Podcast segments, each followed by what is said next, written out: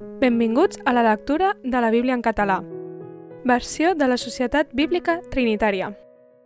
Gènesi 37.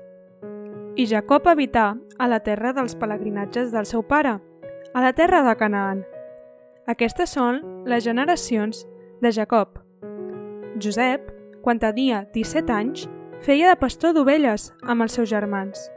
I el noi s'estava amb els fills de Vilà i amb els fills de Zilpà, mullers del seu pare. I Josep portava un mal informe d'ells del seu pare. Israel estimava Josep més que tots els seus fills, perquè era fill de la seva bellesa, i li havia fet una túnica llarga, i els seus germans s'adonaren que el seu pare l'estimava més que a tots els seus germans, i l'odiaven, i no podien parlar-li en pau. I Josep va somiar un somni, i al contar als seus germans i el van odiar encara més. I els digué, escolteu ara el somni que he somiat. I heus aquí, nosaltres lligàvem garbes enmig del camp, i heus aquí, la meva garba es va alçar i es va mantenir dreta. I heus aquí, les vostres garbes voltaven i s'inclinaven davant la meva garba. I els seus germans li digueren, és cert que regnaràs sobre nosaltres i és cert que ens governaràs? I el van odiar encara més a causa dels seus somnis i a causa de les seves paraules. I va somiar encara un altre somni i l'explicà als seus germans. I els digué, Heus aquí, he somiat un altre somni. I heus aquí, el sol i la lluna i onze estels s'inclinaven davant meu. I ho va explicar al seu pare i als seus germans. I el seu pare el renyà i li digué, què és aquest somni que has somiat? És cert que jo i la teva mare i els teus germans hem de venir a inclinar-nos a terra davant teu? I els seus germans l'envejaven, però el seu pare guardava aquesta paraula. I els seus germans anaren a pasturar el ramat del seu pare a Siquem. I Israel digué a Josep, no són a pasturar a Siquem els teus germans? Vine, t'enviaré a ells. I ell li digué, aquí em tens. I li digué, ves, si us plau. Mira si els teus germans estan bé i si està bé el ramat. I torna'm en la resposta. I el va enviar des de la vall d'Hebron i arribar a Siquem. I heus aquí, un home el trobà voltant pel camp i li preguntà, què cerques? I digué, cerco els meus germans. Digues-me, si us plau, on pasturen?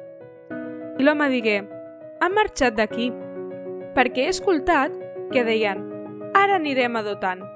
I Josep se'n va anar darrere dels seus germans i els trobà a Dotan, i ells el veieren de lluny. I abans que s'atancés a ells, conspiraren contra ell per matar-lo.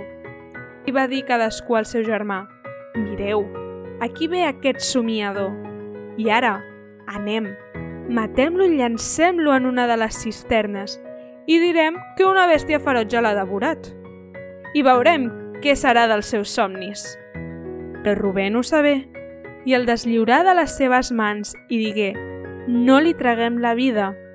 I Rubén els digué no beseu sang, llanceu-lo en aquella cisterna que hi ha al desert i no estengueu la mà contra ell, perquè el volia deslliurar de la mà d'ells per tornar-lo al seu pare. I s'esdevingué que, quan Josep arribà als seus germans, el despullaren de la seva túnica, la túnica llarga que portava. I l'agafaren i el llançaren dins d'una cisterna. La cisterna era buida, no hi havia aigua. I es van asseure a menjar pa. I alçaran els ulls i heus aquí veieren una caravana d'ismaelites que venien de Galaat, amb els seus camells carregats d'aragant, balsam i mirra, que anaven a portar-ho a Egipte. I Judà digué als seus germans, Quin guany tindrem si matem el nostre germà i amaguem la seva sang? Anem i venem-lo als ismaelites i no li posem les mans al damunt, perquè és germà nostre, de la nostra carn. I els seus germans se'l van escoltar. I passaven uns mercaders medianites. I pujaren Josep de la cisterna i el tragueren, i vengueren Josep als ismaelites per 20 xècals de plata. I ells s'endugueren Josep vers Egipte. i Rubén tornar a la cisterna. I heus aquí, Josep no era dins la cisterna i s'esquinçà els vestits. I tornà als seus germans i digué «El noi no hi és! I on vaig jo?» I agafaren la túnica de Josep, degollaren un cabridet i xuparen la túnica amb la sang. I enviaren la túnica llarga i la portaren al seu pare i digueren «Hem trobat això, examina si és la túnica del teu fill o no». I ell la va examinar i digué «És la túnica del meu fill, una bèstia ferotge l'ha devorat. Josep ha estat certament trossejat». I Jacob s'esquinçà el vestit. Es posà un sac als lloms i feu dol pel seu fill molts dies. I tots els seus fills i totes les seves filles s'aixecaren per consolar-lo, però ell refusà de ser consolat i deia «Perquè baixaré en dol vers el meu fill al sepulcre». I el seu pare plorava per ell. I els medianites el vengueren a Egipte Potifar, funcionari del faraó i capità dels guardes. Gràcies per escoltar amb nosaltres la lectura de la Bíblia. Això ha estat Gènesi 37.